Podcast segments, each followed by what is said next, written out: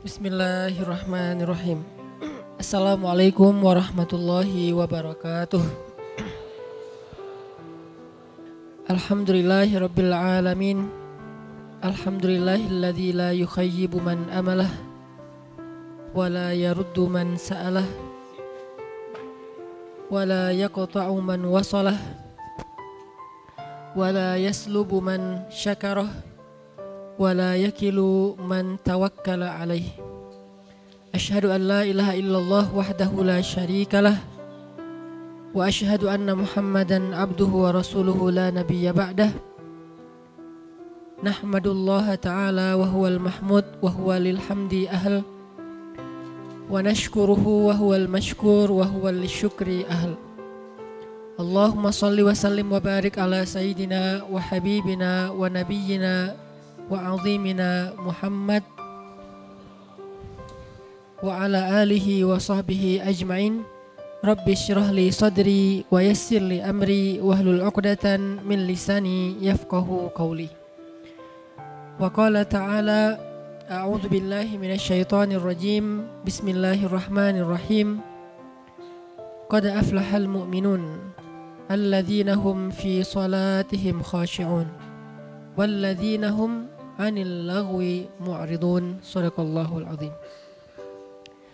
Teman-teman yang dirahmati Allah Subhanahu wa taala kita bersyukur malam ini bisa ngumpul di markas dakwah kita Masjid Anak Muda, Masjid Gaul di Bandung.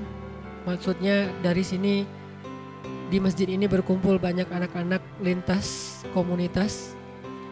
Kalau boleh disebut anak gaul, kalau nggak boleh anak nongkrong lah kadang-kadang ada yang disebut anak gaul merasa kayak aduh risih gitu kan. Ya udah anak nongkrong.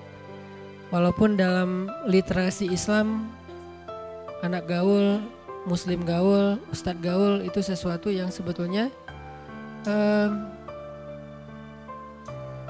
bukan sesuatu yang baru dalam literasi Islam. Itu sesuatu yang memang ada akar sejarahnya. Bahkan ada akar dalil ilmiahnya.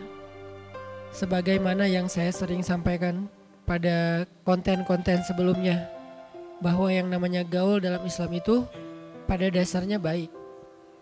Hanya mungkin istilahnya jarang dipakai. Istilah gaul jarang dipakai, yang banyak dipakai itu bergaul. Ya.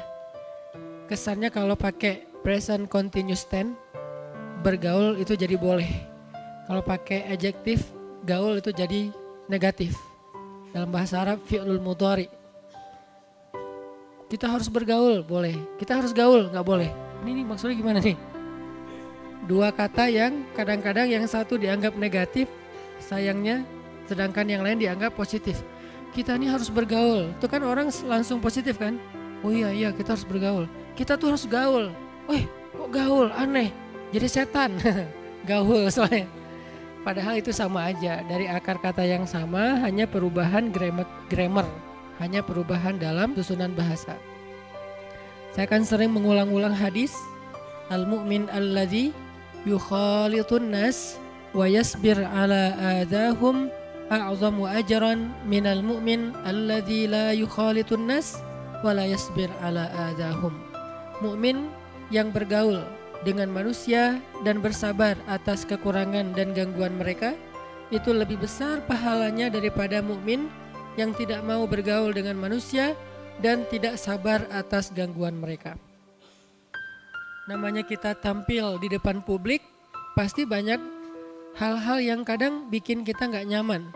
Dan dalam ketidaknyamanan itu, kalau kita bisa menjaga adab, tidak mencela, tidak membalas keburukan dengan keburukan, tidak berdebat secara panjang lebar, berarti dia yasbir ala adahum, dia bersabar atas gangguan mereka, maka a'zamu ajran, lebih banyak pahalanya daripada kita tidak tampil di depan publik, bahasa lainnya jadi public figure, tidak mau dikenal orang, tidak ada yang tahu tentang kelebihan dan kebaikan kita, syiar-syiar kita, sehingga tidak ada tantangan diperlakukan secara tidak nyaman. Karena nggak terlalu uh, tampil sehingga tidak ada banyak mata yang menilai. Kalau udah tampil kan mulai banyak penilaian. Dan ada yang menilai secara objektif, ada yang menilai untuk mencari kelemahan dan kekurangan. Kalaupun tidak ditemukan, dia buat-buat. Itu konsekuensi dari bergaul. Sudah menjadi sebuah sunatullah. Konsekuensi dari bergaul ya pasti akan digituin. Baik itu bergaul dalam kehidupan normal sehari-hari, apalagi bergaul dalam kehidupan sosial media yang bahkan mungkin orang mengenal kita banget tapi kita nggak kenal dia. Searah gitu. Satu a satu arah. Dan ketika dalam kondisi kita bergaul lalu kita diperlakukan secara tidak nyaman baik dengan kata-kata atau dengan sikap atau dengan apa pun bentuknya dan kita bersabar. Arti bersabar bukan diam. Arti bersabar menjaga sikap. Kita tidak berlaku jahil jahil itu artinya kehilangan kontrol dalam sikap kita attitude kita akhlak kita. Kita tidak kehilangan kontrol akhlak maka itu disebut dengan yasbir ala adahum. Maka kedudukan dia a'zamu ajran lebih besar pahalanya minal mu'min alladzi la yukhalitun nas wa la yasbir ala adahum. Daripada mukmin yang tidak tampil di depan publik, tidak bergaul dengan banyak orang. Nas, nas di sini ada mukmin, ada yang belum mukmin, ada yang kafir, ada yang Muslim tapi banyak variasi di dalamnya. Ada Muslim dengan mazhab A, B, C, Z. Dan dia tidak mau bergaul dengan mereka, tidak membuka diri, tidak open minded, tidak mencoba untuk ngeblend dengan yang lain, tidak mencoba untuk melihat ada dunia lain selain dunia dia. Berarti dia tidak mendapatkan dinamika dan konsekuensi dari pergaulan. Dia tetap mukmin, hanya dia tidak lebih baik daripada tadi orang yang dengan segala macam dinamika pergaulan dan konsekuensi dari pergaulan itu.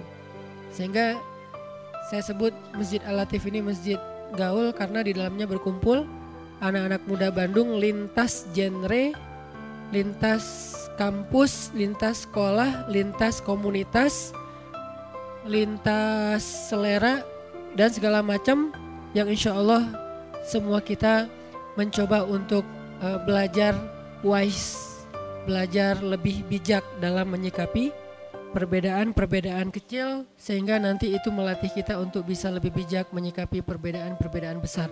Dan itu maksud saya dengan istilah masjid gaul atau anak muda gaul.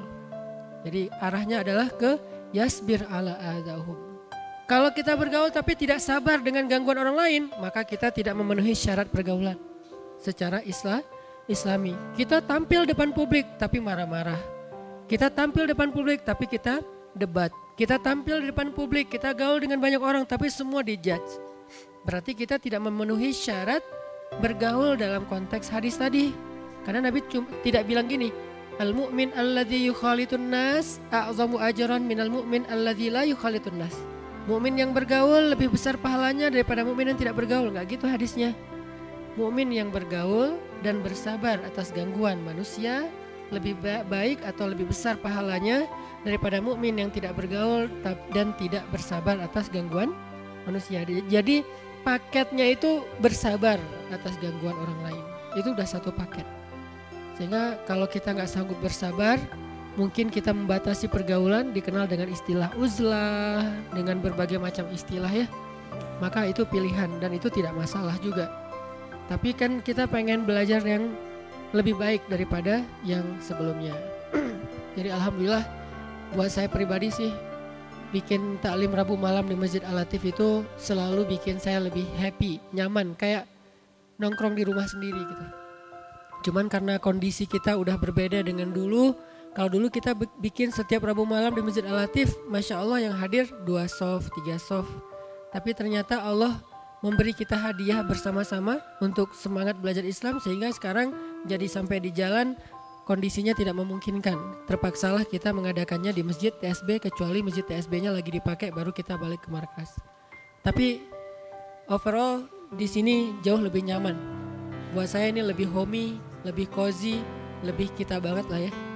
Cuman ya itu kondisinya aja. Mudah-mudahan nanti Allah juga memberi kita hadiah satu lagi masjid selain markas utama kita ini nanti ada markas yang lain yang lebih besar yang dengan konsep dan desain yang juga anak muda banget dan kita bisa nongkrong di sana benar-benar masjid nongkrong arti masjid nongkrong itu emang kita bisa ngerasain nyamannya nongkrong di masjid lebih daripada nyaman nongkrong di tempat-tempat yang lain. Kita menyebutnya masjid anak